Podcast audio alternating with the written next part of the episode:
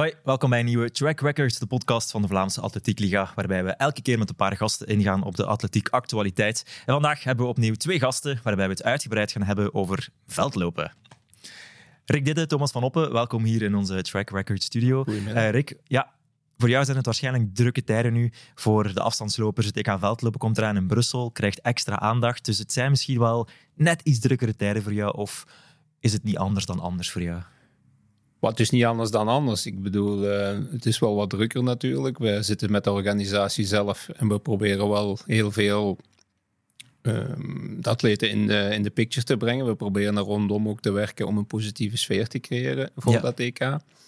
Maar het is een heel druk jaar, uh, tout court. Eh, omdat we op 7 juni al een, eh, een EK outdoor hebben en we hebben een Olympische Spelen. Dus eh, het, eh, als ene keer ehm, het EK-veldlopen voorbij is, dan komt het WK indoor en dan komt het EK outdoor en dan komen de Spelen. En dan zullen wij blij zijn als het augustus is. De afgelopen jaren stopt het niet. Hè? nee, het Ja, Rick, misschien even kaderen. Je bent hoofdcoach afstandlopen bij de Vlaamse Atletiekliga. Ja. En je bent ook nog daarnaast trainer van een groep atleten, waaronder Thomas. Dag Thomas, Ja, welkom goeie- hier. hè. Na, En- namiddag. Ja. Hangt ervan af van mensen, wanneer mensen luisteren Ja. natuurlijk. Eh, voor jou ook nu iets drukker? Voel je zo dat dat EK eraan komt? Voel je een verschil? Of is het gewoon opnieuw seizoen waarbij je de doelstellingen probeert na te streven, zoals elk seizoen? ik denk eigenlijk vooral een nieuw seizoen. Maar ik, het feit dat de, dat de selectiecriteria zo snel duidelijk waren, dat dat Mhm. wel heel veel ehm, motivatie meebrengt voor de atleten. Allee, het is heel duidelijk. Ja. De eerste zes finishers op het Belgisch kampioenschap die krijgen eh startrecht op TK. En Mhm. dat, dat werkt alleen maar motiverend. Ja. Ehm, dus vandaar eh, ergens wel een gewoon seizoen, maar met Toch extra nog. motivatie de deur uit voor de trainingen wel. Ja, want dat, dat EK-veldloop dat komt er dus aan in Brussel op zondag 10 december. Maar daarvoor komt er dus nog een selectiecross. En dat is het BK-veldlopen in eh Hulshout op 19 november. En dan een paar dagen later wordt die selectie gemaakt. Voor we het misschien over dat EK-veldlopen wat meer in detail gaan hebben, eh, misschien gewoon even Rick. Ja, je bent de hoofdcoach bij de Vlaamse Atletiekliga. Hoe ben je daar dan eigenlijk terechtgekomen? Hoe kom je tot een hoofdcoach in het afstandslopen in de Vlaamse Atletiekliga? Ja, dan moet je eerst natuurlijk ehm, zelf beginnen als eh, jonge coach. Dus ik heb zelf 800, 1500 meter gelopen vroeger. Ehm, op nationaal niveau. Niet, net niet goed genoeg voor internationaal niveau. En dan ben ik vrij snel onmiddellijk, omdat onze trainer vroeger, Koba Anseo, die was op dat ogenblik eigenlijk de bondscoach. Oké. En die heeft dan ons eigenlijk een beetje geïntegreerd in het verhaal en snel geleerd om de overgang te maken naar, ehm, naar het trainersvak eigenlijk. Het was En- iets wat je wel aansprak of wat je toch wel interesse Ja, in dat had? was wel iets waar ik interesse in had. Ik ben ook heel snel de cursussen gaan volgen. Dus en in 93, als ik de cursussen achter de rug had, die ik intussen deed dat ik liep, ben ik dan begonnen als trainer, als clubtrainer bij AV Toekomst in eh, Hechtel. En dan langzaamaan van clubtrainer. Goed, dan, eh.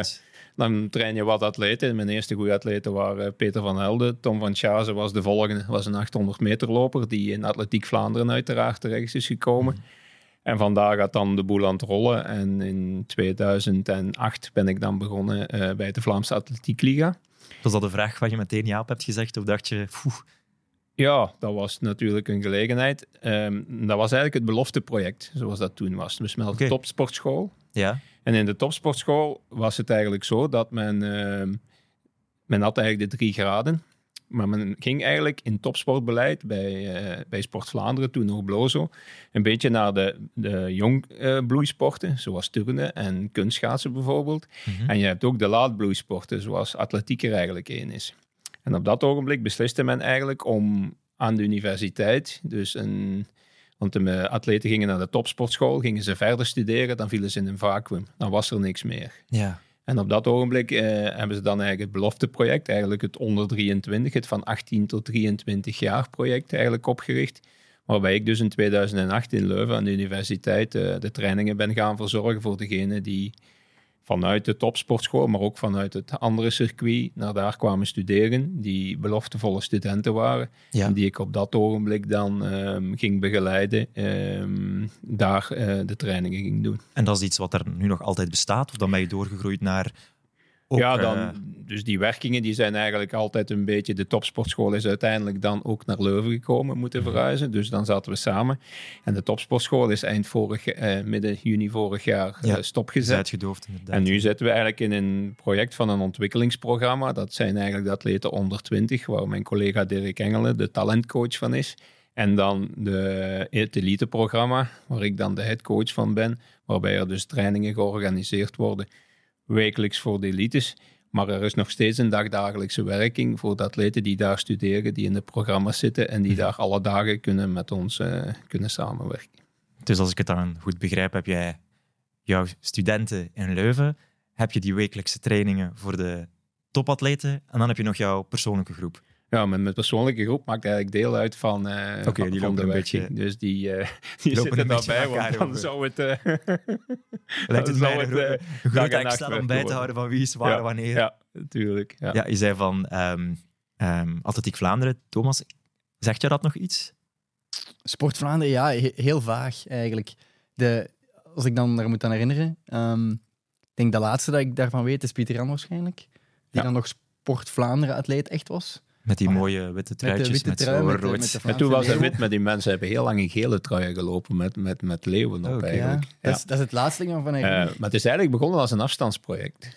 Ehm, het was een idee van minister Souwens, ik denk ja, begin jaren 2000, die samen met Ja. Paul Eerlijkes, die toen de manager van AV Toekomst was, een project begonnen waren, wat eigenlijk een loopproject was, maar waar in de loop der tijden eigenlijk uitgevlakt is over de verschillende disciplines van... Mhm. eh, Ja, want ik herinner me Thomas van der Plaats en zo. ja, en Thomas van der Herman, ik. Plaatsen, ehm, Milanov, de discuswerper, heeft erin Juist, ja. dus op laatste was dat eigenlijk een, eigenlijk een belofteproject. Jonge, beloftevolle atleten die daar de kans kregen om, om verder te groeien. Maar eind 2016 heeft men beslist om ja, alle middelen voor, ehm, voor topsporters over alle sporten heen in één pot te zetten. En is Atletiek Vlaanderen eigenlijk verdwenen. Wat jammer was, want dan hadden we, wij hadden op dat ogenblik een aantal profcontracten die we eigenlijk zelf konden invullen. Ja. Waar we nu eh, onze eigen jongens, gelijk Ruben en eh, Jochem, eigenlijk heel moeilijk kunnen bedienen. eh, die Moeilijker dus, om aan die, om aan een om aan die contract te contracten ja. bij Sport Vlaanderen te geraken. En die op een cruciale fase komen nu in hun leven als ze afgestudeerd hebben. Mhm. Jochem werkt al, Ruben nog een paar jaar. Ik denk dat Thomas het ook wel weet wat het is. Een paar jaar naar Amerika gegaan om, om, om dat te kunnen doen. Mhm. Maar dat, eh, ja, kijk, dat zou een extra de- stimulans kunnen zijn voor hen en een extra stap kunnen zijn om de stap te zetten naar absolute top. Maar daarvoor zijn die ontwikkelingsprogramma's en die prestatieprogramma's die eigenlijk dat een beetje proberen op te, op Die te proberen vangen. dat op te vangen, ja. Mhm. Dus die dienen daarvoor en daarvoor proberen wij ze in Leuven te krijgen. En wat vooral het doel is van die programma's, is de atleet alle facetten te laten trainen. Wij zien heel dikwijls dat, ehm, dat eh, ze willen eh, 120, 130 kilometer per week gaan trainen, maar de onderbouw, eh, die valt weg. En dat is niet zo onbegrijpelijk, want als ze in een normaal regulier schoolprogramma zitten en je, je, je doet wetenschappen, wiskunde en je hebt een hele zware richting, dan blijft er eigenlijk alleen maar tijd over om, om s'avonds eh, een keer te gaan lopen of om een looptraining te doen. Maar de stabilisatietrainingen, de, de looptechniektrainingen en alle zaken Juist. die nodig zijn, zijn de eerste zaken die wegvallen. Ik heb heel dikwijls in Leuven het beeld gezien van jonge atleten die heel ambitieus waren. En dat was heel mooi en goed om te zien. Maar na drie maanden eh, eruit vielen omdat ze de stap eh, in kilometers gewoon niet gemaakt kregen. En als je een keer in blessurelast begint te gaan, dan. eh, Is dat zo de een grootste valkuil eigenlijk voor Dat is de grootste valkuil eigenlijk voor de meeste mensen. En dat is wat we met de programma's nu Mhm. proberen. Al van heel, van heel jongs af aan. Vorige week hadden we bijvoorbeeld de regionale werking van de kadetten. Ja. Daar proberen we al programma's mee te geven eh, die ze doen. Dat ze dat soort zaken, ja, dat ze die onderbouw zo vroeg mogelijk beginnen Ja. maken. Want een jonge boom kun je nog rechtzetten, maar eens als, je, ja, als het wat ouder is, Ja, Thomas, wanneer is dat bij dan jou? wordt het wat moeilijker. Wanneer is dat bij jou begonnen, zo die stabilisatie? Of zo die stap naar een is- beetje Dat is voor professionaliseren? mij... daar de, het, eigenlijk het, eh, het vaste beeld aan, een beetje. En ja, ik denk dat ik daar ook perfect onder val. Ehm bij hem terechtgekomen. Onderbouw was geen sprake van.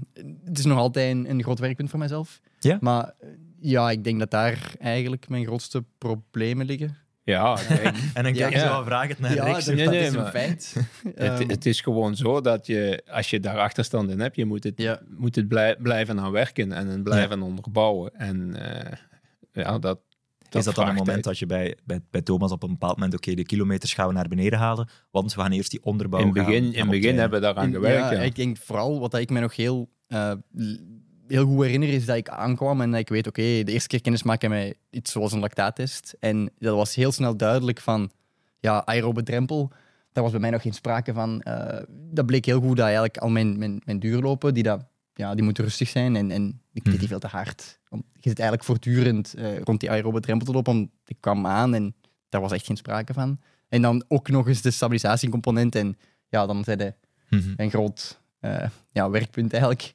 over de gehele lijn. We hebben gelachen als we hem de eerste keer over de hordes mochten. Ja, En zo. van mij. Oh, ik kan me nog goed herinneren. Looptechniek is, is en blijft niet mijn ster- sterkste kant. Zijn dat dan zo de oefeningen die, die je geeft om de stabilisatie te verbeteren, zo met je die horde Nee, maar of- dat, dat is een leuke, leuke tool om, om lenigheid en dingen in en, en beweging en, efficiëntie, ik denk eh, inderdaad. en efficiëntie eh, te Ja. krijgen. En, eh, Ik denk dat we heel coördinatorisch vaak... was hem. eh, was hem we hebben heel vaak gelachen, laat het zo zeggen. Hey, dat, dat, dat gaat over heel simpele dingen. Hè. Gewoon ehm uw voet onder u neerzetten. Dat was bij mij al een probleem. Ehm, ik zette die eigenlijk veel te ver voor mij neer, waardoor dat je alleen maar kracht verliest en, en, en snelheid. Inderdaad, Ja, als je aan dan ben je aan het remmen als je die voeten Ja, zet. dus eigenlijk is het zelf aan het afremmen. Eh, ik heb een hele lange pas. En zeker toen ik nog jonger was, ik kreeg dat niet rond. Ja. Ondertussen, dat gaat wel beter, maar dat, dat gaat altijd werkpunt blijven eigenlijk. Ehm, maar geen stiepel ambities op termijn dan. eh. ik denk dat daar heel snel blessures van gaan komen. ik, denk, allee, ik denk qua motor eh, dat dat nog wel zou binnen mijn, mijn, mijn lichaam liggen. Eh, ja, redelijk lang, lange benen en, en 3000 meter, dat moet mij absoluut afgaan. Maar nee. Zeg nooit denk- nooit. Wie Ja, weet. dat, Nee, maar Ja, dat, is, dat dat- is het, een beetje het probleem van de steeple. En dat is ook waarom dat het eigenlijk een van onze speerpuntdisciplines is. Mhm. Als je de range kijkt tussen 1500 en 5000, neem maar Isaac Kimeli, neem maar iemand anders. Dat zijn mensen die potentieel op een steeple het goed zouden kunnen doen. Maar waarom gebeurt het niet? Omdat ze nooit de techniek eigenlijk eh, aangeleerd hebben. En dat is heel moeilijk op oudere leeftijd om, om dat te doen. Dus nu gaan we bijvoorbeeld in de regionale werking zijn we gestart. Ryan van der Poorten heeft dat eh, op zich genomen eh, om, om daar de techniek al beginnen aan te leren. Zodanig dat je ze, goed, als je iemand hebt, William van Dijk is daar het perfecte voorbeeld van geweest. Eh, die had een enorme aanleg daarvoor. Die was heel goed op 1500 en op 5000, maar op stiepel was hij wereldtop. En als, we, als we dat kunnen, eh, als Ja, dat want- een extra troef kan zijn, dan geef je die graag mee natuurlijk. Op die aan jeugdkampioenschappen de voorbije jaren hebben we veel namen op die stiepel gezien. Ja. Sam Serrano was daar, daar heb je toch nog een heleboel. Ehm, is er dan groeiende interesse of is dat echt puur het resultaat van die speerpuntdiscipline binnen de Atletiek Federatie? Nee, dat is, dat is nog puur interesse, maar we proberen daar wel mee, mee te sturen nu natuurlijk. Dat we ook daar stilaan mensen meer en meer aanvoer krijgen. En het is vooral zaak dat ze... Ja, je hebt een extra troef als, je, als je daar zit en je zou eh, goed zijn. Want kijk maar naar de stiepel, dat, dat blijft de laatste jaren op dat niveau dat het was eigenlijk een beetje staan. Dus Mhm. We hebben genoeg 3000 meter lopers die, eh, die snel genoeg daarvoor zouden zijn. Maar je moet het natuurlijk wel Ja. beheersen. Dat is... eh, Wat dat is de eerste eh, onderbouw voor je over de stiepel? eh, Voilà, dat nog begint. wellicht nog de belangrijk. techniek, ik denk dat dat een serieuze werkpunt zou zijn, moesten ooit die overstap maken. Ja, maar dat is iets wat je ook in jaren leert. Dus Mhm. daar moet je met jongeren mee beginnen. Dus, begint op eh, jonge leeftijd om dat ja, eh, te gaan, eh, te om- gaan kweken. te doen. Ja. Ja, nu zijn we misschien een beetje aan het uitweiden over stiepel, terwijl we eigenlijk een beetje op het EK willen focussen. We hebben al die geschiedenis gekregen van hoe het nu eigenlijk een beetje gegroeid is eh, richting de werking van vandaag. Maar daar is daar nog iets extra bij gekomen, richting dat EK. Ricky, er is een Vlaamse selectie eh, opgemaakt met een heleboel namen voor die Europese veldloopkampioenschappen. Van waar is dat idee ontstaan? Van hoe zijn jullie daarbij gekomen om dat te doen? Ja, we wou, het is uitzonderlijk dat je een Europees kampioenschap hebt. hè. Dat is, in 2009 was de laatste keer, dus je hebt dat om de, Mhm. om de 15 jaar, denk ik. Ah, daar ging een van mijn quizvraagjes al nog. Ah, Op het einde hou ik altijd vragen. Altijd een quizje, maar... om laatste keer in België, maar ook eh, een, een- bijvoorbeeld een EK op de piste is al ik weet niet hoe lang aan geleden. Dat probeert men nu in 2030 te doen. Dus we hebben nu wel Mhm. wat beleidsmensen die daar wel wat werk van willen maken om een aantal kampioenschappen ook eh, naar hier te halen. En wij wouden echt wel een soort ambiance creëren ehm, naar, naar, de naar de mensen toe en, en de supporters toe. Om proberen zoveel mogelijk mensen eigenlijk eh, op het EK te krijgen en daar een, een enthousiasme eigenlijk ehm, eh, rond te kweken. Nu, ik was eigenlijk op zoek naar een, een soort longlist eigenlijk van mensen. eh, Als je de selectie gaat bekijken, wie komt er voor die top Ja. zes plaatsen in aanmerking? En mijn oorspronkelijke idee was een nationale selectie. Want ik vind het een beetje... Ja. er, zijn, er zijn een aantal mensen aan de andere kant van de, van de taalgrens, van wie je ook weet dat ze er gaan bij zijn. Die dan Eh. nog eens aan de Vlaamse kant van de taalgrens trainen. Ja, dus ehm, dat was de bedoeling. komen op een gevoelig punt. Hè. Maar ja, eh, oké, maar... Ehm, ja goed, in Wallonië hebben ze een ander systeem. Mhm. Ehm, daar is het individueel, daar steunen ze trainers en zaken. En zij wouden alleen hun elites uitnodigen daarvoor. Maar goed, als je weet, als je zes hebt eh, en niet alle elites eh, voldoen aan crossnormen, Mhm. dan weet je, eh, ik heb dan een discussie gehad met hem van kijk, ja, maar je gaat toch mensen hebben buiten je elites die in de selectie gaan komen. Dus waarom zou je die niet vragen?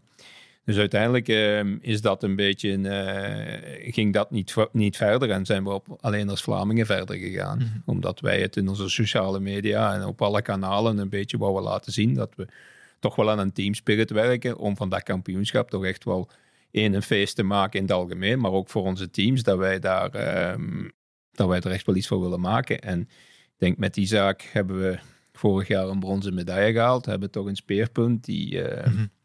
die en hier ook absoluut voor wilt gaan om, om terug een podium te behalen. Ze hadden een beetje de overtuiging om die selectie te maken, wetende dat Isaac Imeli zich wou engageren voor het EK. Ja, een, een- onderdeel ervan. Een ander onderdeel ervan is dat je ook een goede 800 en 1500 meter lopen zet, dat je op de mixed relay ook iets kan gaan doen. Ja, is dat dan... ehm, ja, Thomas, je staat bij de selectie, bij de senioren mannen in die Vlaamse selectie, bij de lange cross, niet, Mhm. bij de, niet bij de mixed relays. Dat spreekt jou dan minder aan? Ja, ik denk, allee, we hebben het hier voor tien al heel even over gehad. Ehm, voor mij persoonlijk, komende van de zomer, terug korte afstanden lopen, dat, dat, is, allee, dat lijkt dan weer hetzelfde juist een beetje. En je vervalt dan toch terug in die, in die iets hogere tempels. En ik denk, na zo'n zomer, het, het beste eigenlijk voor het, voor het pistenseizoen in, in mijn optiek, eh, is vooral om aan die basis te werken. En ja, niks beter dan een half uur eigenlijk crossen tegen de beste van België. En hopelijk dan ook tegen de beste van Europa uiteindelijk. En Ja. ja, dat was voor mij eigenlijk een snelle keuze dat ik, dat ik daar zo voor wilde gaan. Je zoekt meer het profiel 1500, 5000. Hè. Dus, ehm, en Ja, want je, dat- je hebt mensen in jouw trainingsgroep, Rick, die op de piste dezelfde nummers als Thomas lopen, bijvoorbeeld Joch en Vermeulen.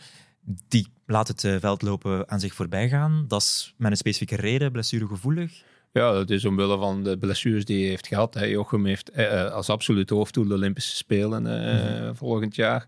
En hij wil absoluut geen risico nemen eh, Ja. met zijn blessures. Waarin dat hij dus eh, duidelijk gesteld heeft van kijk, eh, ik wil het rustig opbouwen, ik wil het rustig doen. Mhm. Zijn vorige blessures dateren ook vanuit de indoor, vanuit ehm een keer van in de cross. Dus hij wil eh, gewoon het rustig aan opbouwen en eh, vooral, safe nemen. spelen, vooral safe spelen richting van eh, de Spelen. Ja. Dat lijkt Dus die blijft er. Ismail gaat wel met deelnemen, Ismail Debiani. Ja. Dus ehm, heeft al aan de mixed relays meegedaan ook, dacht ik. heeft alles meegedaan in Tilburg. Dat is toen niet zo meegevallen. Eh, en voor hem zal het ook heel duidelijk zijn. Kijk, als er veel modder is, zal dat een moeilijk verhaal worden eh, in Hulshout. Als het goed beloopbaar ligt, dan, ehm, dan, zal, dat, eh, dan zal hij wel meestrijden voor de plaats. Ja. Dus, Dat eh, parcours in Hulshout, wat, eh wat mogen we daarvan verwachten, Thomas? Wat denk jij dat het gaat worden? Goh, ik denk dat hey, natuurlijk op één dag kan er veel veranderen. Zeker met het, eh, het huidige weer. Maar allee, ik denk dat ik in de loop van de week wel een keer ga kijken. Aangezien dat ik dan maar 6 Ja. kilometer van vandaan woon. Ehm, wat dat voor mij eigenlijk de dichtstbijzijnste cross is die dat er is in Vlaanderen. Eh, laat dat nu ook nog juist een BK zijn. Eh, Ideaal moment. Extra, ja, ideaal moment. Ik, selectie van een thuis-EK. Dus ehm, daar werd ik dan wel heel warm van. Ja. Als dat initieel ehm, gekozen werd als Hulshout is de locatie. Eh allee, naar Roeselaar rijden zal toch al twee uur in de auto. En Iets Ja. minder supporters waarschijnlijk dan. eh, Inderdaad, ik bedoel, eh, familie, vrienden komen allemaal uit de buurt. maar als het niet te hard regent de komende dagen, weken, dan verwachten we daar een iets vlakker parcours. Want ik ben aan Brussel, zal ook iets minder modder zijn. Ja, ik ben gisteren toevallig nog in, eh in Hulshout geweest en het Oh. ligt er vrij goed bij. Er Ja. zijn natuurlijk een aantal natte plaatsen. ehm dat kan je niet buiten natuurlijk met dit weer. Maar eh, al bij al zal de beloopbaarheid wel, eh, wel oké zijn. speelt dat dan in het voordeel voor jou, Thomas? Zo ja, een- absoluut. Ik denk... eh, allee, Helemaal in- overtuigd, absoluut. Absoluut. Ik denk, allee, ik heb nu afgelo- afgelopen week, vorige week ergens, eh, in, in Roeselaar gelopen dan. Ja. Ik ben heel blij dat dat effectief wel ehm, niet was, like twee jaar geleden. Ehm like twee jaar geleden denk ik dat ik, oké, heb ik een heel slechte koers gelopen. Uh, dat, dat is dan ook deels mentaal, omdat ja, je raakt niet vooruit. En, dat is heel moeilijk uit te leggen hoe dat, dan mhm. zit. Want je spreekt over één, helemaal andere tempels. En dan twee, ja, ik, ik, ik, verlies de volledige controle over mijn lichaam als ik door de echte diepe modder moet. Ja. Glibberen, glijden. Ik denk dat mijn, mijn zwaartepunt dat gaat links-rechts. Mijn benen die gaan nog, nog hm. meer kanten op dat ik niet kan beschrijven eigenlijk. Dus het is daarom, dat maakt veldlopen wat heel aantrekkelijk is. Het is niet zomaar hard lopen. Want ik weet van mezelf, oké, als ik goed getraind heb, dan, dan kan ik hard lopen.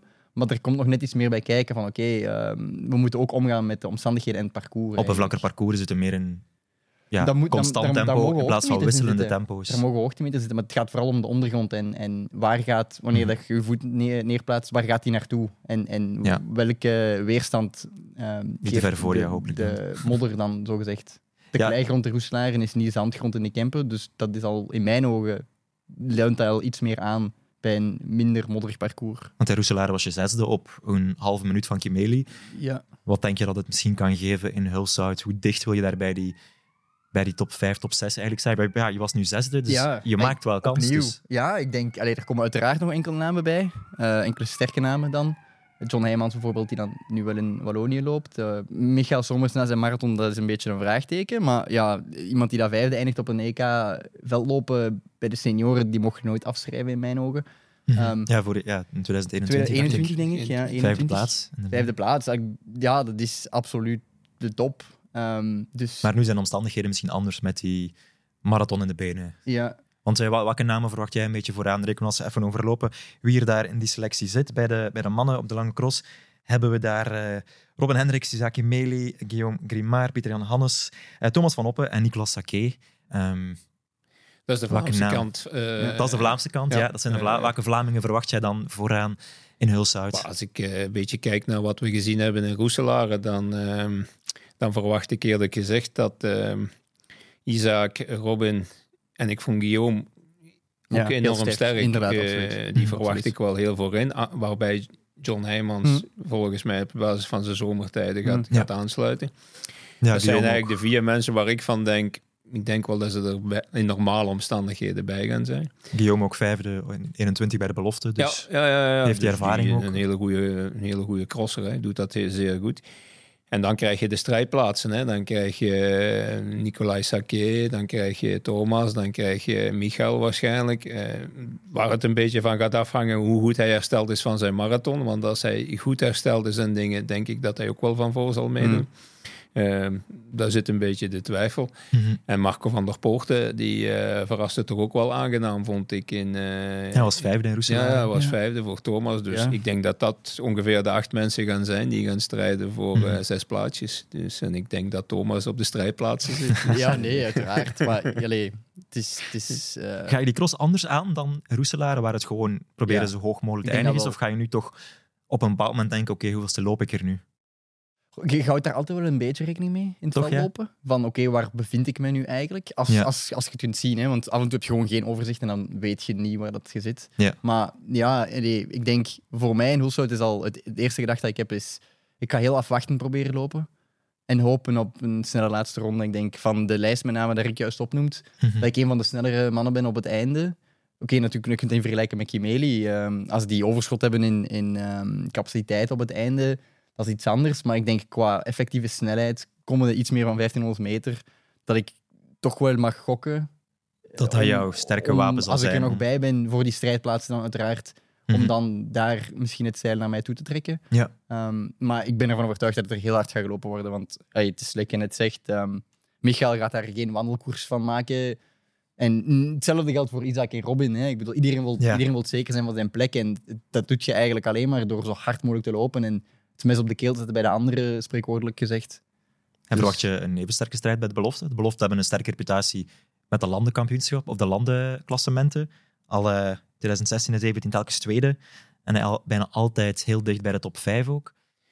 Dus nu, nu wel wat verschuivingen hè? Bij, de, bij de beloftes. We hebben daar wel goede atleten, maar in ploeg denk ik dat dat... Uh, het zijn jonge atleten. podium zijn jonge atleten, wordt doorgeschoven, denk ik dat dat iets moeilijker wordt. Als je het hebt over een podium, dan hoop ik vooral dat ze senioren mannen, uh, dat dan een keer lukt. Mm. Uh, We hebben- ja, maar we Ja. zijn de afgelopen jaren zijn we vierde geweest. Vorig, eh, vorig jaar waren we ook vierde, maar eigenlijk Execo derde. Dan ging het over één plaats. Dus ehm, als we denk ik voor een podium gaan, dan denk, hoop ik vooral dat eh, die seniorsploeg, die, die, die heel solide is, dat, die, dat het een keer lukt. Ik Wordt dat dan de, de ploeg om in de gaten te houden op die kampioenschappen qua Ja, prestaties? Dus qua prestaties plus ik, de mixed relay, eh, Mhm. denk ik ook dat dat wel een ploeg wordt. Want bij de belofte kijken we dan naar Noah Conte bijvoorbeeld. Ja, eh, dus zevende, Noah schuift door, maar Noah is eerstejaars, dus die zat vorig jaar nog bij de juniors, dus die schuift door. Jorik van de Kerkhoven is gebleven, Ehm, Mhm. die, die is goed. Is wel heel de zomer geblesseerd geweest, dus in welke mate hij op dat, in dat internationaal veld stappen heeft gezet, ja, dat zullen, we, dat zullen we dan zien, want dat zullen we eerder niet kunnen zien. Mhm. En dan eh, komen er wel wat eh goede jongeren aan. Maar dat zijn mensen die het eerste jaar gaan meedoen. Dus eh, ik denk niet dat we daarvan moeten verwachten dat die direct hoog gaan scoren. De ploeg van vorig jaar was eigenlijk heel ervaren. Hè. Dat was Marno Collard met de twee van der Poorten, zijn Marco en Ryan.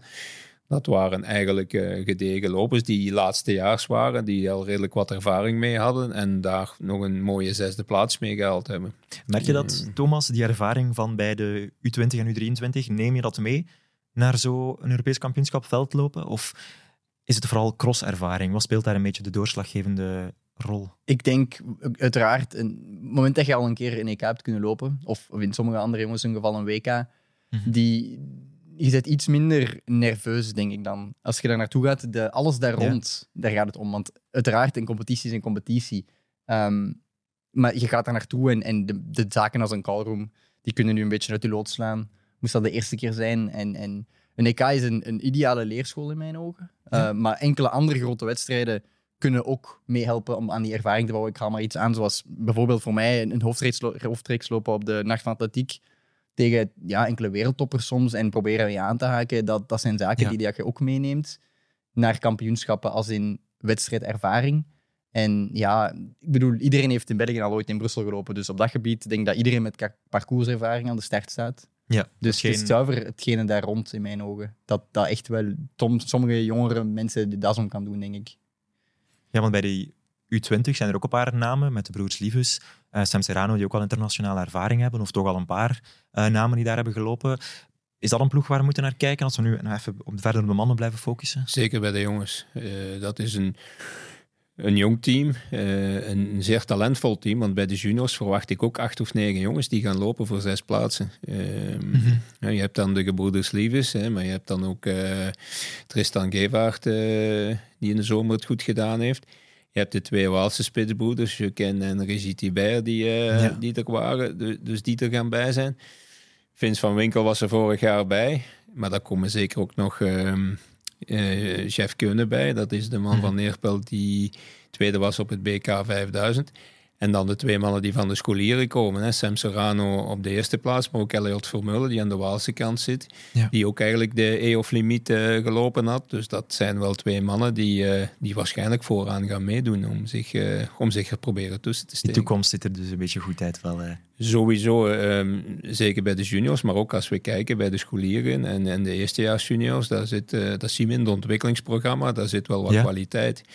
Hè, bijvoorbeeld ziet dat eh, in Roeselaar drie tweedejaarsscholieren op de, in de eerste vier plaatsen waren. Ehm, tegen een snelheden dat je zegt van, oeh, dit is toch wel, eh, dit is toch al heel mooi. En als je dan ziet dat, eh, hoe die jonge juniors ehm, zich bij ons gedragen, dan eh, denk ik dat we de komende jaren wel met juniors ploeg telkens. Is dat ook een beetje het gevolg van de goede prestaties van de belofte bijvoorbeeld? Ja, natuurlijk. En ook het goede werk dat daar natuurlijk er is. En er, is een, er zit terug wat talent. Dus ehm, nee, dat, eh, dat hoort mooi. Even, straks gaan we nog over die mixed relays eh, verder praten. We gaan ook nog bellen met Stijn Baten, die daar eh, ooit eens de medaille haalde voor België. Als, eh, we herinneren nog, nog de foto's met de open armen. Even blij met een titel als met die bronzen medaille. was een prachtige prestatie. Maar misschien eerst nog even naar de ploegen bij de vrouwen kijken.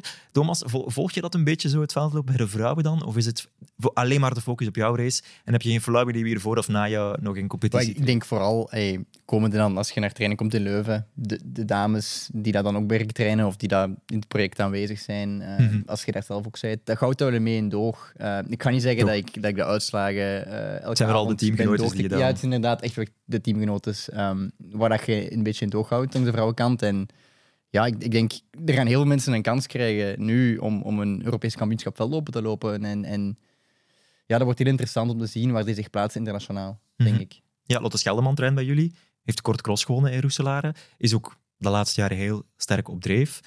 Is dat iemand die eh, zich mag opmaken voor eh, een eerste keer die mixed relays te lopen? Een van de kansen. Ja, nu zijn we- nu zijn we toch over die mixed relays Het is bezig. natuurlijk zo dat je... Ja, je hebt de twee effectieve, dat zijn de eerste twee. En, en één reserve die je meeneemt, zowel bij mannen als vrouwen. Ehm, goed, eh, ervan uitgaande dat Elise van der Elst denk ik toch wel een beetje erbovenuit gaat steken. Mhm. Ehm, goed, dus krijg je een strijd voor die tweede plaats met eh Mariska Parenwijk, denk ik, met Lotte Scheldeman. Lana Rijkaard, die niet zo heel ver was. Dus daar, eh, daar wordt wel Mhm. een beetje, dat wordt wel even drummen, ja. Is Lotte dan ook eerder zo'n type voor de kortere afstanden in het veld en niet voor de langere? Ja, dus duidelijk meer iemand die voor de korte cross is. Ehm 800, 1500 meter profiel eigenlijk. Dus, eh, maar die de langere afstanden, de frontafstanden zeker niet zal gaan opzoeken. is natuurlijk ook een beetje een, een, de moeilijkheid bij de dames op dit ogenblik. Ehm Ja, want de afstanden, ja, maar de afstanden zijn verhoogd. Dus je gaat eh, naar vorig jaar, waar de meeste crossen 5 kilometer is, zijn ze nu 9. Dus dat, eh, dat, is een heel ander gegeven. Dus ik vind dat, heel veel eigenlijk, 9 kilometer voor de dames. Ja. Als je daar naar tijd gaat kijken, ik weet, allee, zelf ben ik nog een relatief jonge senior. Ja, 9 kilometer of een half uur cross, durf ik het vaak beschrijven. Dat is veel. Om dat dan ook voor de dames voor te leggen, ik dat, vind dat wel een serieuze brok aan, aan wedstrijd. Hoe komt dat dan dat dat dan verhoogd is, die aantal Dat is kilometers? het gelijkheidsprincipe. Hè? Dus eh, Mhm. men wil de dames gelijkstellen met, eh, met de heren. En dan is daar de, de afstanden dan, dan gelijk gaan maken. Geen Maar, compromis gevonden om het naar iets lager voor de mannen te trekken dan bijvoorbeeld. Je zou dat natuurlijk een beetje kunnen doen zoals in het veldrijden, met minuten natuurlijk. Hè? Dus dat je zegt van, Ja. eh, we, gaan, we gaan het daar inschatten. Dus bijvoorbeeld Annelies Nijssen stond vorig jaar, is ook een 800, 1500 meter loopster. Was vorig jaar wat geblesseerd, heeft dus de lange cross gedaan. Is nu weer een van de kandidaten, maar Ja. in de plaats van 7 kilometer zijn het er nu 9. En, eh, Hmm. Ik vind dat een groot maakt verschil. Het, eh, Dat maakt veel. dat maakt het enorm lang. Ja. Gaat dat dan ook misschien een paar verrassingen opleveren? Jana Valenti en Roeselare won. Is dat dan misschien een beetje al een eerste voorbode van een wijziging van de namen die we daar vooraan gaan zien? Ja, Jana eh, die blijft jaar in jaar uit verbeteren. Hè? Dus, dus op zich is dat oké. Eh, maar die zit nog altijd bij de U23. Dus ze heeft wel Roeselaar gewonnen, maar eh, komt U23 dus eh, in aanmerking. Julia Thomas had vorig jaar nog bij de U23. Zal nu bij de seniors, eh, seniors gaan uitkomen. Gaan Maar voor om- hen ligt die afstand, die langere afstand, die ligt toen wel. Maar Jana zal het over 7 kilometer moeten doen. In, eh, Ja, maar net ook, net ook nog Marie Bilot zal het een mooie strijd worden bij die U23. U23, eh, daar heb je zeker een Julie Voet die doorgeschoven is. Dus daar heb je wel een, een, een, een mooie kern om, eh, Mhm. om die ploeg te gaan trekken. En dan zal er weer van onderuit aangevoerd worden, uiteraard. Maar goed, eh, dat zullen we, zullen we bekijken. Maar die, die eerste drie zijn wel, eh, zijn wel stevige kandidaten. Een mooie ploeg wordt. Het wordt ook ja, kan een mooie ploeg worden. in het verleden al een beetje discussie over die selectienormen, zeker bij de vrouwen. Ehm, we gaan het er niet over hebben, het is ligt in het verleden. Laten we, laten we dat we vooral Een rusten. zware discussie misschien dan. Ja, laten we dat, laten we dat in, eh, mooi in het Ja, verleden een rusten. moeilijke discussie in cross om daar eigenlijk recht een lijn Ja. op te trekken. Hè. Dat is ik, altijd, ik denk ook eh, voor de selectiemakers is dat ook heel moeilijk om te kwantificeren wat dat iemand Mhm. nu effectief aan het doen is. Hè. En wat- verwacht je nu een, een andere insteek naar het, de toekomst toe? Nu er voor Brussel telkens volle teams worden gestuurd, is dat iets wat er kan worden aangehouden? Want ik denk dat dat een vraag is die bij heel veel mensen leeft van wat gaat het dan de volgende kampioenschappen geven? Of is dit bijvoorbeeld een, iets dat een, een mooi voorbeeld kan geven om die beslissing op te baseren? Ze, gaan sowieso evalueren. Eh, Mhm. Er is nu gekeken, eh, vorig jaar en dit jaar, eigenlijk naar... eh, kijk, wij gaan organiseren, dus we gaan ons zoveel mogelijk mensen een kans geven... vorig jaar al om internationale ervaring op te doen. We gaan zoveel mogelijk mensen eh, zetten. Maar of, dat men, of we daarin zodanig verder gaan om telkens overal zes, zes mensen per ploeg te zetten, dat, eh, dat denk ik niet, eerlijk gezegd. Ik denk dat men me gaat herbekijken. eh, Mhm. Maar het zal wel zo zijn dat men ergens een formule zal moeten vinden die, eh, die eh, duidelijk transparantie geeft naar de Ja. mensen toe en waar men du- eh, duidelijk kan aantonen van kijk, eh, zo, wordt het, eh, Mhm. zo wordt het afgewogen. Want wie verwacht jij in Hulshout bij de vrouwen? Wie gaat daar bij een hulsel bij de vrouwen? Wie verwacht jij daar eh, vooraan? Ja, ik verwacht vooral Lisa Rooms en Chloe Herbert eigenlijk eh, van voor. Dat zijn denk ik de twee dames die, eh, Mhm. die het hoogste niveau halen. Ehm, ja, goed. En dan ehm, Juliette Thomas, die dingen was, komt daarbij. En dan ehm, is het een beetje kijken. Maar dat, dat eh, Imana Truijer staat niet zo verder. Hanna van den Bussen zijn toch ook ervaren dames. Sophie Ja. van Akkom, nog eh, die, Ja, die Sophie, in heel de top sterk 6 gelopen zat. ook. inderdaad. Ja. Ehm, Victoria Warpie, die, eh, die ja, dat is een beetje een nieuwe naam. Is dat dan iemand die jij ooit al van gehoord had? Ja, Voor die twee woont- jaar geleden Die woont in? Leuven, hè, dus, eh, Aha. dus die trainde daar, wat die dikwijls zien lopen. Ehm, maar die doet het wel heel goed. Mhm. Dus ehm, ik verwacht dat hij eh, zeker goede kansen heeft om zich, eh, om zich in het team te lopen, met hetgeen wat ik gezien heb in Roeselare. Natuurlijk, ik zeg het, Lisa en Chloe komen erbij. Dus Ja. eh, Juliette. En dan krijg je weer ja, Stevige strijd voor die stevige vorige strijd voor die, voor die strijdplaatsen. En dat lag niet zo heel ver uit elkaar. Ja, dus, en, ehm, Heb je bij het maken van die Vlaamse selectie, Sophie van Akkom zit in de lange cross-selectie bij de senioren dames. Zij kiest daarvoor en niet voor de, de mixed relays. Nochtans, ze zou misschien wel op beide uit de voeten kunnen komen. Van waar is die keuze bij haar dan gemaakt? Omdat ze er wel bij zijn, probeert bij te zijn. En eh Sophie evolueert wel iets meer ook naar de langere afstanden. Dus ja. ja. Dus ja, ze loopt graag 1500, maar de leeftijd begint een beetje. Dus ze begint daar langzaam wat op te schuiven. Dus hier was duidelijk een keuze van eh, we gaan voor, eh, voor de langere afstand. Ja, en als zij zich plaatst, Thomas, jij ook, misschien Pieter Jan Hannes, zijn dat er drie van Herentals. Pieter Jannes is niet meer bij AC Herentals. Is hij niet meer bij Herentals? Nee, heeft recent al een switch Ja, gemaakt. dat niet. Vorige niet. week, ja, vorige week. Oh, kijk wel Ja, de primeur. zeg. Pieter En- Jans, die loopt voor AC Hulshout. Het organiserende, en- Oké, organiserende ploeg, club, eh, Ja. posterboy. Pieter Jans posterboy, ja. gaat hij goed doen. Ja, dat, eh, ik bedoel, Zijn al hij, naar de hij sluit af, hè. Hij, sluit, hij sluit af. Het wordt zijn laatste seizoen. Dat, eh. Eh, Laatste, eventueel wedstrijd zelfs, op Belgische bodem, als hij zich niet plaatst voor het BK. Oké.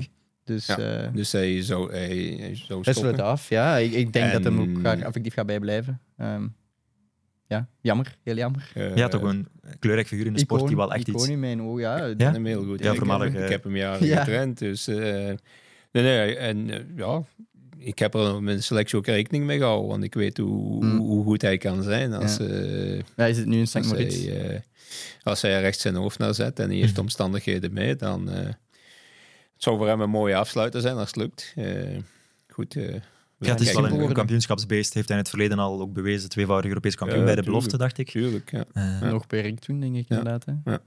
2013 was hij Europees kampioen veldlopen. En, eh, en eh, ja, het zou mooi zijn als je er nog kon bij zijn. Natuurlijk, ja, de concurrentie is zwaar. Ja. En, eh, Ik denk, eh, dus het zal niet eenvoudig zijn, maar zeg nooit nooit, zou ik ja, zeggen. we hebben hier al heel veel namen opgesomd. Ja. Het is een beetje een kleine wereld en toch wordt daar toch regelmatig nog veranderd van club, wordt er nog regelmatig eens gewisseld van trainer.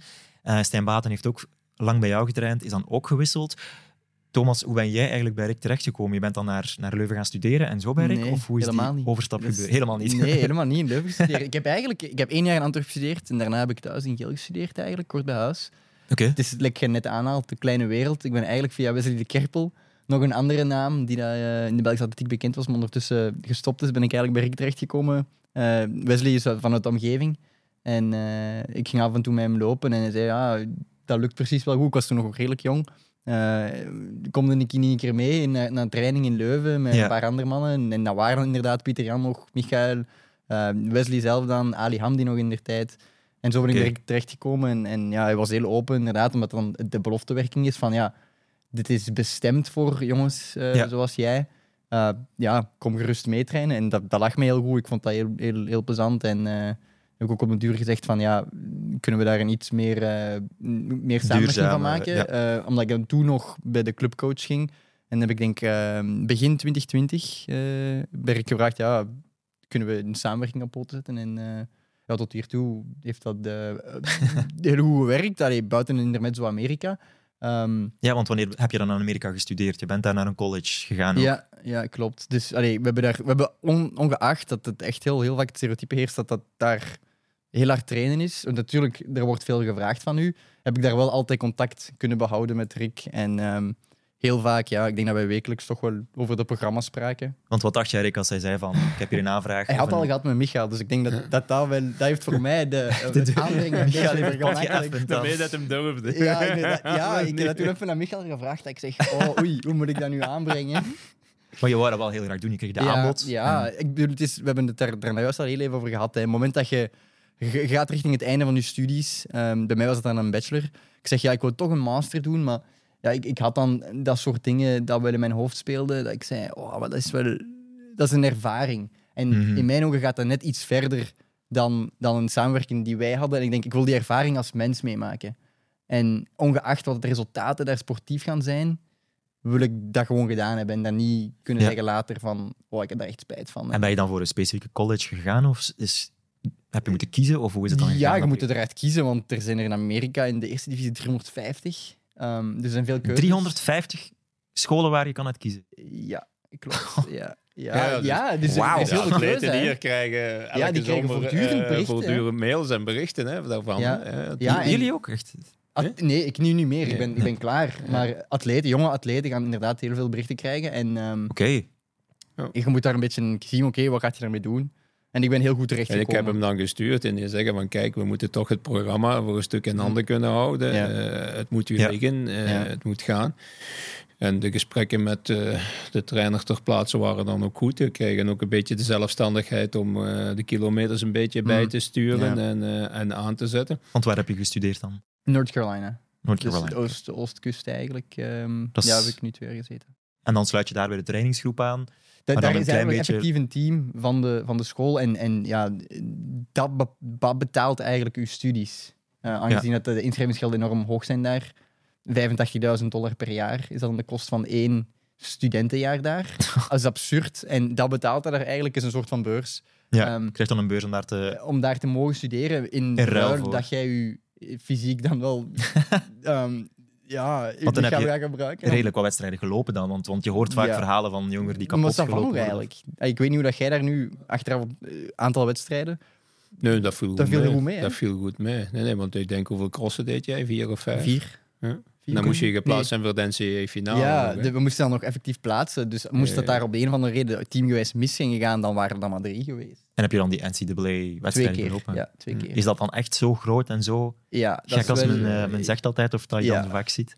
Ja, ik denk zijn eerste wedstrijd. Ik, ik, ik had die nog getimed. Was hem eh 88ste. Op Zoiets, exact ja. één minuut van de eerste. één minuut van de eerste, ja. En Lukt dat dan om te volgen? Of je, je, je Ja, was nee, dan? goed, maar je ziet die uitslagen Ja, natuurlijk. Die, die timing services die zijn wel redelijk die in orde. timings zijn goed, dus dan weet je Ja. dat, er, eh, dat er een binnenkomt in minder dan een seconde. Hè. Dan sta je s'nachts op om te kijken hoe die gelopen heeft in North Carolina. Ochtends En inderdaad, ja. ja, maar Of- of volgde soms, dat ja. wel mee, ja. soms live ook. Ja, Zeker, natuurlijk. ik denk zeker ehm, op de piste dan. Die heb ik dan de 1500 meter ook, om dan even af te wijken van het vetlopen. Ja. Ehm, ja, dat was ook een enorm Dat is niveau. toegestaan. enorm niveau. Eh allee, dat zijn jongens eh, die daar bij mij de finale liepen, die dat dan... Ja, die, die staan nu op wereldkampioenschappen. Ehm, de jongen die eigenlijk... Ik werd in de finale vierde. De jongen die tweede werd, heeft ondertussen 3,28 gelopen. Eén jaar na datum. Dus allee, om even in perspectief te plaatsen, het Belgisch record is 3,33. Dus Oké. daar, zijn wel, daar komen wel heel grote talenten uit, uit, uit die visvijver. Maar het is een heel zwaar systeem als je er niet klaar voor bent. En ik heb heel veel geluk gehad dat Rick mij heeft willen blijven begeleiden en, Ja. en advies Je deed dan Echt. telefoontjes met de trainer daar om de schema's af te stemmen op elkaar. bepaalde dingen af te stemmen, maar ook eh, met hem zelf eh, Mhm. om te kijken van, kijk jong, eh, Ja. relativeer dit of relativeer dat, want het niveau waar je zit is, is, Ja, is, allee. is, is enorm. Hè? Dus, ik weet, eh, dan zijn we één jaar geleden nu ongeveer. Eh, ja, over de, NC-kampioenschap lopen is over twee weken. Ehm Eén jaar geleden stond ik aan de start en ik werd 55ste. Ik, ik was toen wel redelijk goed ziek.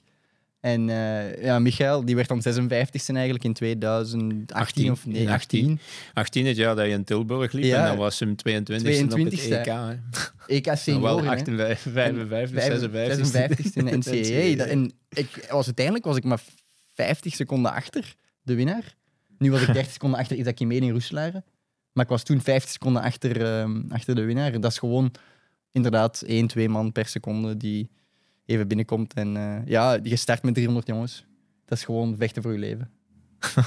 Ja, je, vooral, ik denk vooral dat dat een enorme leerschool is. Mhm. Dat je mentaal, eh, kijk, als je in Ja. België loop je met man of drie, vier en dan zit je op een Mhm. bepaalde plaats en dan, dan loop je daar. Daar moet je elke seconde blijven Ja. vechten of je bent tien plaatsen achteruit natuurlijk. Dus Ja. dat je ook ziet van, goed, ik kan misschien wel een stukje lopen, maar ik ben hier de 88ste. Ja. Hè, dus eh, ja, inderdaad. Ah, geef je wel een stuk relativeringsvermogen mee, denk ik. eh. En ook een, een drive om, om alleen maar beter te worden. Want eh, Want in 21 werd je dan ook zevende op het WK Belofte eh, op de 1500, Mhm. of op de 1500. Wat is er nodig voor jou om dan die stap te kunnen zetten naar tijden onder die 337? Waar er, wat zijn jouw werkpunten nog om daar Ik te denk geraken? consistentie. Ehm, ik denk dat ik al wel het, het, jaar, het, jaar na datum, dus eigenlijk na het EK onder 23, dat ik wel de vorm had om onder die tijd te gaan. En, en, maar in Amerika heb ik nooit de wedstrijd gekregen zoals we die hier kennen, met verschillende hazen, met iedereen gaat voor de tijd. Ginder wordt er gewoon koers gelopen. Dat is gewoon wie kan er de eerste over de finish zijn. Ik heb daar ook 3,37 gelopen, maar zonder hazen in een halve finale van een kampioenschap. Dus ik denk dat ik toen een net iets betere vorm had te pakken. Maar ik- dat is nooit omgezet in een tijd. Ja, maar nu En- zit je op 337.01. Ja, Is dat dan- altijd. Jouw grootste Ja, was- frustratie op dit moment? Of? ja. Dat kan wel eens zo zijn, ja. Misschien. Maar het jaar daarna allee, heb je, was je ook vierde op NCAA, heb En- je hele dingen. En dat was wel, in, dat was wel intensief, dat stukje. Ja, eh, dat was waar je maar vier crossen had, was het stukje eh, Mhm. competitie. Ja. En, en tot NCAA-finale raken was zeer intensief. Want ik denk dat je dan tien koersen of zo gelopen had. ja, op de ongeveer. piste. Het probleem was vooral ook... Op korte ehm, tijd. En dan voelde ik vooral dat hij mentaal eh, Ja. leeg was. Dus Je kwam thuis hij en- was op dit ogenblik eigenlijk in heel goede vorm, want hij was daar vierde geworden. Maar ik kreeg de knop niet meer omgedraaid om, om, om, om het nog een keer te gaan doen. Dus dan, hebben, dan kon je ook teruggaan, want Ja. dat was dan ook nog onverwacht. mhm. Ehm, dan hebben we gewoon voor de mentale rust gekozen om, om, om terug op te bouwen. En vorig heb je natuurlijk een beetje pech gehad in de indoor, dat je je teen breekt. Ja, goed, dan Ja. was het seizoen een stukje gehypothekeerd. Ja, Dat is... Geen overbelastingsletsel, maar wel een gebroken teen. Ja, dat is eigenlijk... ehm, er zat iets wel bij mij, voor, dat ik al eigenlijk heel mijn leven... Dat is uitgebleken dat dat al even als een soort van... Ja, dat komt nu misschien wel een groot woord, maar ja, dat werd beschreven als een, als een, als een tumor eigenlijk. Ehm, maar dat is geen tumor dat we die kennen. Dat, is gewoon heel, dat zijn gewoon slechte cellen. Ehm, dat heeft niks met andere dingen te maken, die gewoon een klein beetje zorgen voor een heel, brozer, een heel wat brozer bot. eh, lokaal, dan echt heel lokaal. En eh, met het naar beneden komen van eh, de bocht indoor in een, eh, in een kwalificatiewedstrijd. Tijdens een loopwedstrijd. Ik Ja, dacht, je hebt tegen een kast gestoten of zo. Eh, Nee, ik heb die gekrakt, effectief.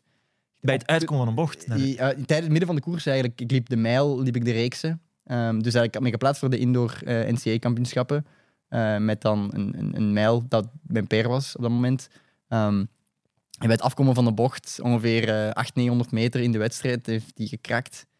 Eh, en, ik heb dat gevoeld, heel stekende pijn.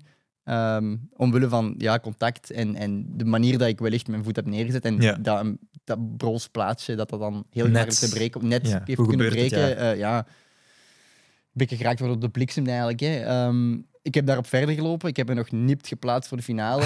Ik ben gaan neerzitten. Ik heb naar mijn teen gegrepen. Ik zeg, ja, dat is gebroken. En, ik weet dat de, de, de kine van onze ploeg daar zegt van, Thomas, dat kan niet. Je hebt net een koers gelopen, je hebt je teen niet gebroken. En ik heb daar een lokale echo gekregen. Dus eigenlijk een mobiele echo. En dat was heel duidelijk te zien dat er eh, ja, een omhoog, mijn bot stak heel een beetje omhoog. En eh, ja, het is in maart vorig, van dit jaar gebeurd. En ik weet dat ik naar ik stuurde dat ik zeg... Eh, ik weet dat hij stuurde, nipt geplaatst voor de finale, proficiat. ehm, want ik was in heel goede vorm. Dus ik, Maar in het moment zelf, door alle... Ja, ja, ik heb gestuurd, ik heb mijn teen gebroken. Eh, ik Door heb het niet Ja, ik gestuurd stuurde hebben. onmiddellijk van, ja, het gaat niet gaan, want Het gaat het, niet is, gaan. het is over. En door de ik- endorfines ik- bleef je ook gewoon lopen en dan bleef je gewoon gaan. Ja, ik, ik was een beetje aan het manken en ik heb me echt moeten reppen om er nog bij te kunnen zijn. Eh, want de eerste vier plaatsen zich en ik kom maar net, ik kom maar net met, de tijd, met de kleine Q eigenlijk. Met de Mhm. tijd snelste was ik de laatste erbij. Eh, meer kon ik op dat moment niet doen. Eh, Maar dat is intussen volledig onder controle. Ja, ook, dus. absoluut. Ja, ik denk...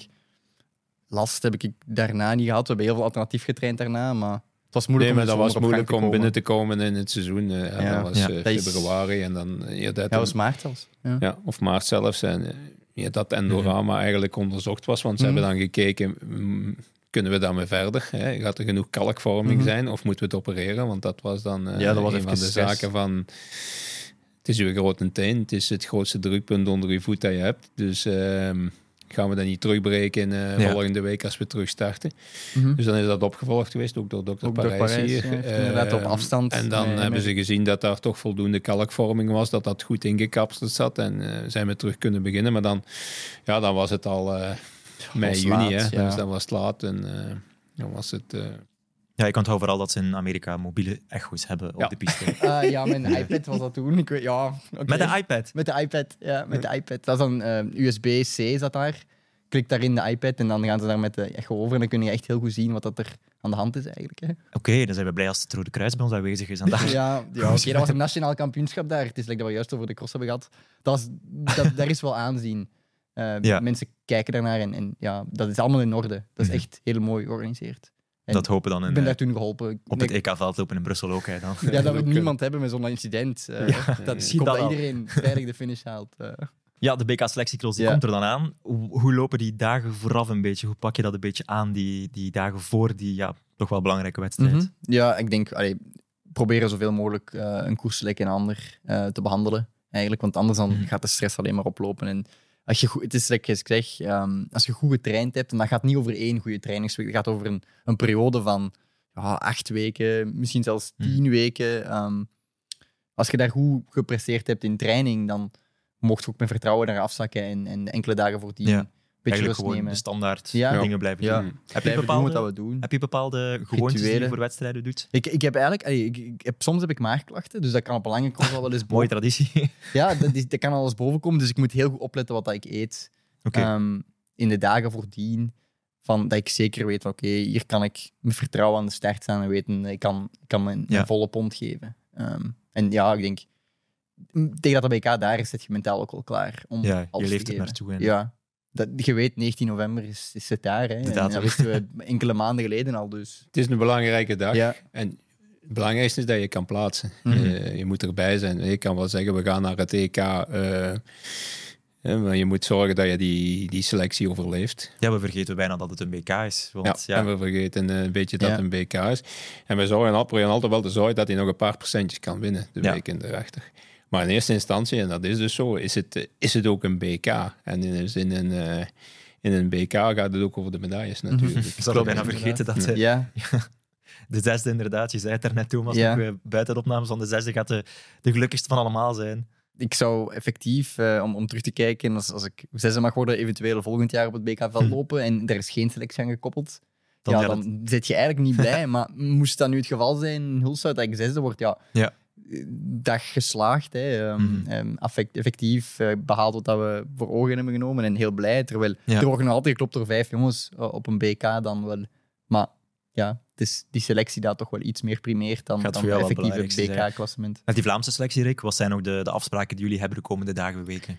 Dus we gaan ehm, volgende woensdag gaan wij het parcours verkennen in, in Hulshout. Dus het Mhm. zal een, een rustige verkenning zijn waarbij iedereen een beetje de vrijheid krijgt om eh, nog te doen eh, wat, wat ze willen. Omdat er Mhm. sommigen zijn die hun laatste training al in- eerder in de week willen doen. Dus eh, dat gaan we bekijken. En Zijn er bepaalde punten die de moeite zijn om op voorhand door te nemen, die een verschil kunnen maken? Zijn er bepaalde plekken waar ja, die, die, die zijn er zeker wel. Ehm, dus zeker de start eh, die, je, die je moet gaan verwerken, maar die gaan ze wel zo geleidelijk mogelijk maken. Ehm, en dan zijn er toch wel wat, eh, elke keer gaan ze mogen eh, richting de wielerbaan. Dus dat zijn toch wel wat uh, venijnige klimmetjes die je toch wel ehm, een, Een beetje vergelijkbaar kunnen- met in Brussel ook. Dat, eh, Ja, maar veel korter natuurlijk. Mhm. dat, is, Ja. dat is, ten opzichte van Brussel is dat eh, zeker niet vergelijkbaar. Van achter liggen er ook twee heuveltjes, maar die heb je eigenlijk in een paar passen overwonnen. Maar het kunnen wel die zijn die een beetje het verschil maken Ja. op, op een bepaald ogenblik. Ik denk dat zulke zaken vooral eh, even een reminder zijn van attent blijven hier. Want je Mhm. wilt nog altijd op je twee benen blijven eh, staan tijdens de koers natuurlijk. hè. Zo'n heuveltjes kunnen alles vaak voor verschuivingen zorgen in, een- in een eventueel pak.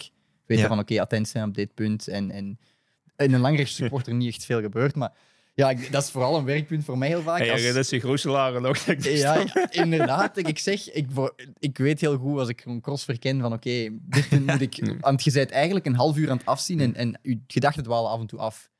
Maar voor mij zijn die bepaalde dingen die we net aanhalen, dat is Ja. voor mij even wakker worden en, en kijken van oké, ik zet mijn voeten waar ze moeten staan, ik blijf recht Mhm. en, en Is dat dan waar bijvoorbeeld een Pieter Jan heel sterk in is, bijvoorbeeld? In zo attent blijven in een Cross-? Ja, ja. ja, ja, ik kan dat Ja, zeker. dat kan hij, heel goed. hij kan zo'n dingen ook wel attackeren. Dus eh, Ja. dat zijn zeker dingen die, die hij zeker gaat bespelen en eh, zeker zal gaan gebruiken. Ja, Ja, die laatste ronde, s- snelheid en Pieter Jan zijn eh, tactiek. Het ding is ook, Pieter Jan is ook snel.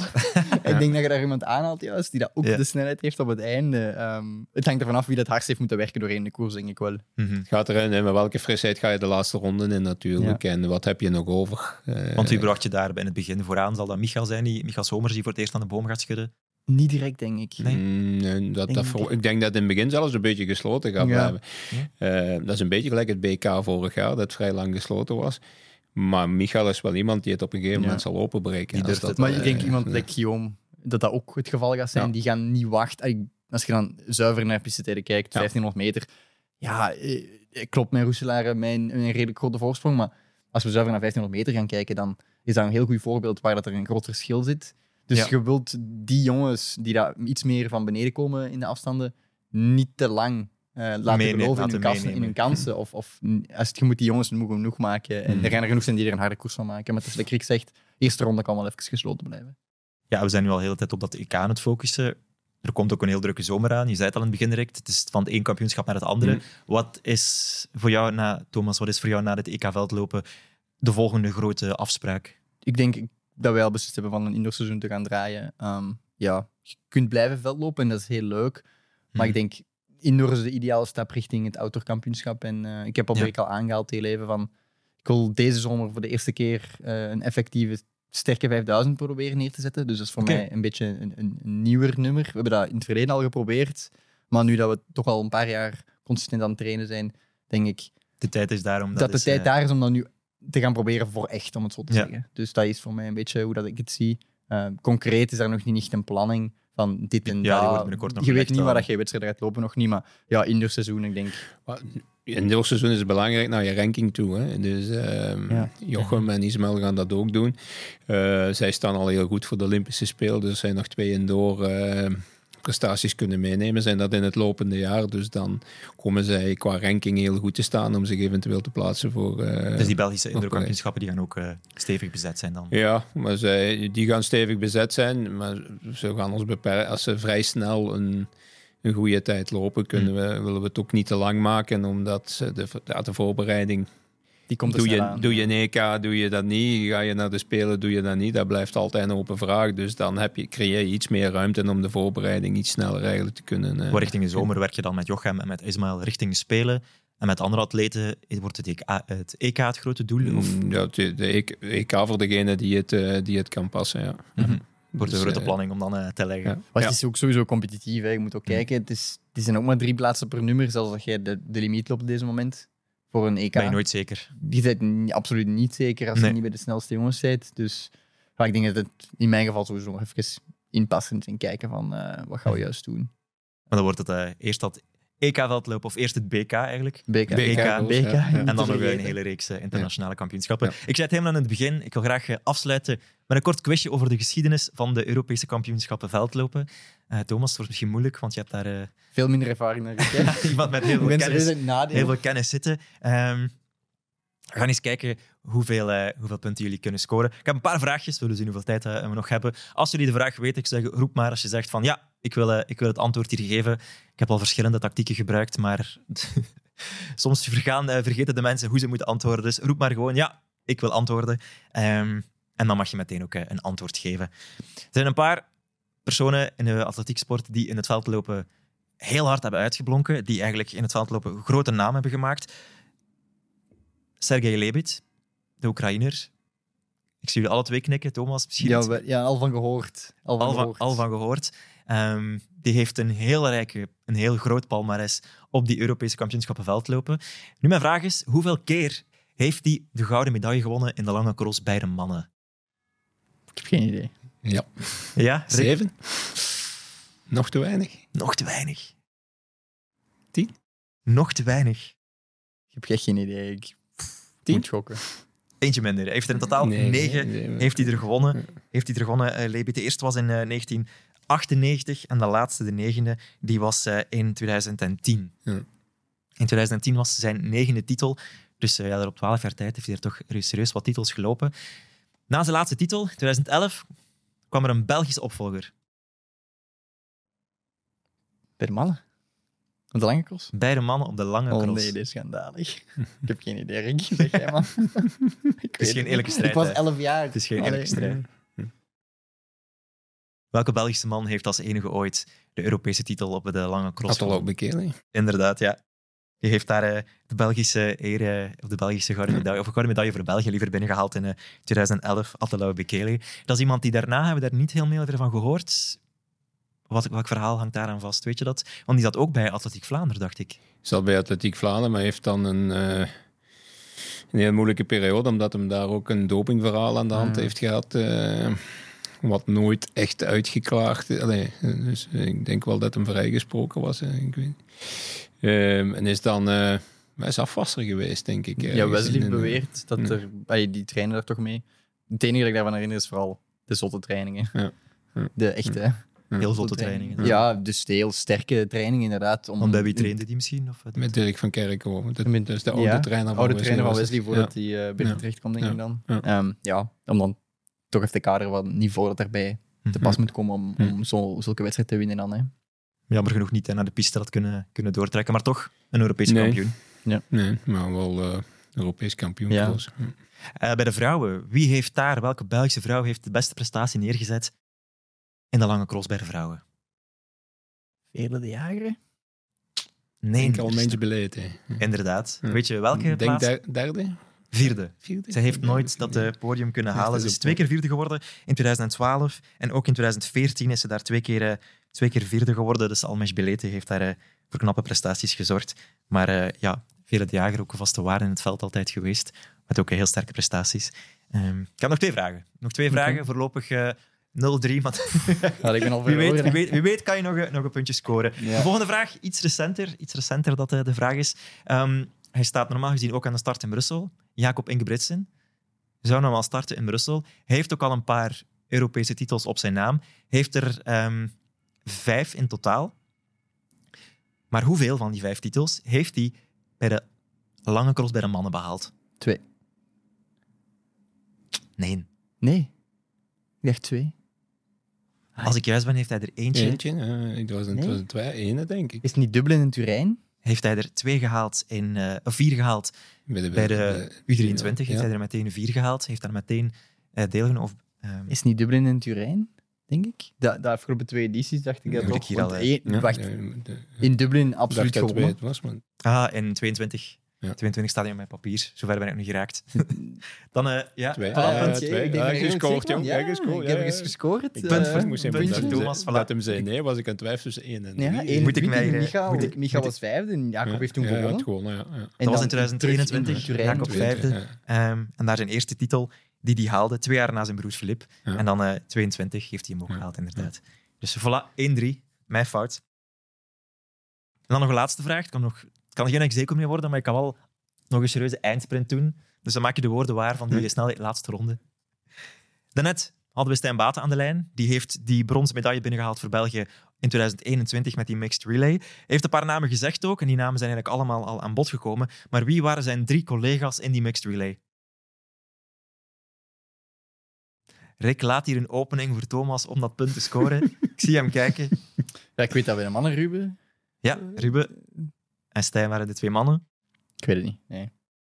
Vanessa Scone en uh, Elise van der Elst. Inderdaad. Nee, ik wist het niet. Hm? Ik, dacht, ik dacht Mariska misschien, maar nee, nee, ik wist niet dat Elise en, en, uh, Mariska was er vorig jaar bij. Mariska was vorig jaar. Dat is het probleem, ah, het probleem niet, maar het, het, leuke ook wel. Hè. Het EK Velop is elk jaar. Hm. Effectief, dan gaan die edities hm. soms wel in elkaar vervagen in mijn hoofd. Nochtans, Rick heeft er al meer meegemaakt dan toch... Uh... Ja, ja, maar dat is zijn job. Maar... ik kan, was ik hem toch excuses maken? weet, volgend jaar komt jouw naam, want komend jaar komt jouw naam misschien ook wel bij. Uh, daar kijken we heel hard naar. Ja, ik Thomas hoop het, van ja. Um, zien we jou nog in het veld terug op die lange cross en op de piste uiteraard op die 500 meter en die 5000. Dankjewel om hier te zijn. Rick, heel veel succes de komende jaren okay, en vooral de komende dagen met die selectiecrossen en die uh, EK-veldlopen die er de komende jaren nog gaan aankomen en al die andere kampioenschappen. En heel veel succes met de andere atleten ook. Dankjewel ja. om hier te zijn. Okay. En ja, nogmaals, ontzettend veel succes. We zien elkaar in Hulshout en later in Brussel. Dankjewel en graag gedaan. Dank u, fijne avond. En voilà, daarmee zijn we aan het einde gekomen van deze track records. Thomas van Oppen die maakt zich klaar voor de selectiecross in Hulshout. Dus eveneens ook het Belgische kampioenschap dat uh, op uh, ja, 19 november plaatsvindt. En dan een paar dagen later weten we, um, of ja, de 19e gaan we het eigenlijk al weten, maar officieel weten we dan op 21 november wie ons land mag vertegenwoordigen op de Europese kampioenschappen veldlopen in Brussel op 10 december. Dus dat zijn uh, een paar data om te noteren en om naar uit te kijken. En wij kijken uit naar de volgende track record, maar we zien elkaar zeker vast terug. Ook even in aanleiding naar dat EK liever. En ook in uh, de nasleep van dat EK horen we elkaar terug in een nieuwe track record. Dus uh, tot de volgende.